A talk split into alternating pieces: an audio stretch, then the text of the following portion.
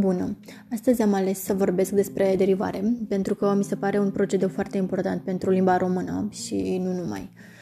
Derivarea este un mijloc intern de îmbogățire a vocabularului. De ce spun uh, intern? Pentru că se formează cuvintele noi chiar în interiorul limbii noastre, nu mai avem nevoie de împrumuturi. Practic luăm cuvinte care sunt adaptate deja total sau parțial la limba română, adăugăm afixe și vom obține cuvinte noi. Aceste afixe sunt de fapt niște morfeme pe care eu, în continuare, le voi numi sufixe și prefixe uh, ca să respect denumirile lor uh, din școala generală. În funcție de cum sunt atașate aceste afixe, avem mai multe tipuri de derivare. Voi începe cu derivarea cu prefix, adică prefixarea. Luăm uh, un substantiv și adăugăm un prefix. De pildă, substantivul om. Îi voi adăuga prefixul ne și voi obține substantivul neom. De remarcat este că am rămas în aceeași categorie morfologică, dar și faptul că am obținut antonimul. Deci aici acest prefix are o semnificație la nivel lexical. El este un prefix negativ.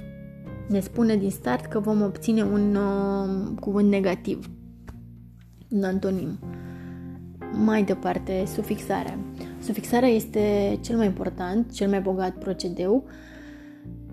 Se pot obține foarte multe cuvinte. Uh, de exemplu, pot să pornesc de la un substantiv, argint, adaug sufixul iu și voi obține adjectivul argintiu. Sunt foarte multe tipuri de sufixe pe care probabil le voi uh, relua la un moment dat. Mai departe, dacă voi adăuga în același timp și prefix și sufix, voi avea de-a face cu derivare parasintetică. A îmblânzi. Cuvântul meu de bază este blând.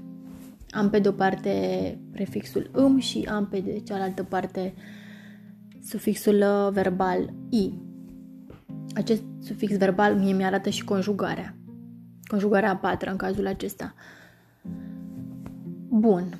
Um, ar mai fi un tip de derivare, derivare regresivă sau uh, inversă. Cred că v-ați prins că se referă la înlăturarea, la suprimarea anumitor afixe pentru a obține cuvinte noi. Nu este foarte importantă sau, uh, de fapt, nu cred că este foarte bine exemplificată. Avem, uh, de exemplu, a boteza. Dacă voi suprima ultimul a, um, adică sufixul verbal a, care poartă și el conjugarea, deci ne spune că este conjugarea întâi. Dacă voi suprima acest sufix, voi obține botez. Dacă voi uh, suprima sufixul verbal i de la verbul a auzi, voi obține simțul uh, auzului, auz. Uh, cam asta ar fi în mare derivarea, desigur că um, trebuie discutate pe rând prefixele și sufixele uh, și v-am zis, uh, sufixarea rămâne cel mai important procedeu intern de îmbogățire a vocabularului.